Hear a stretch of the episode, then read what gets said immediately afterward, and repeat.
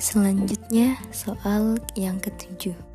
Apakah perbedaan sukuk dan obligasi dalam tinjauan fikih muamalah?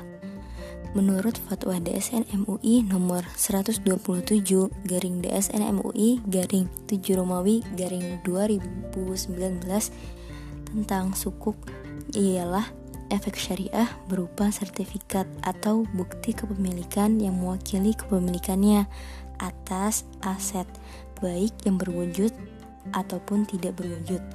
Nilai manfaat atas aset berwujud jasa aset proyek tertentu dan aset investasi tertentu yang mewajibkan penerbit untuk membayar pendapatan kepada pemegang sukuk berupa nisbah bagi hasil dan membayar kembali dana sukuk pada saat jatuh tempo sesuai karakteristik dengan menggunakan akad wakalah, mudorobah, musyarakah, ijarah, dan baik.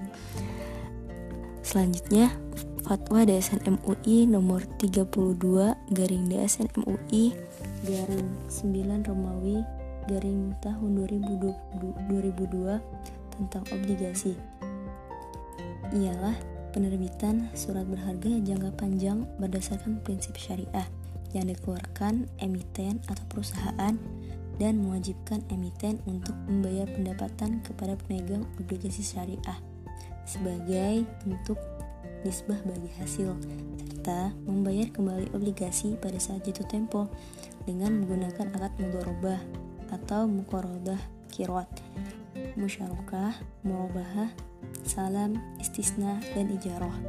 Akan tetapi, surat berharga yang diterbitkan tidak boleh berupa hutang yang pembayarannya berdasarkan bunga karena hal tersebut tidak diperbolehkan dalam syariat Islam karena dapat merugikan orang lain.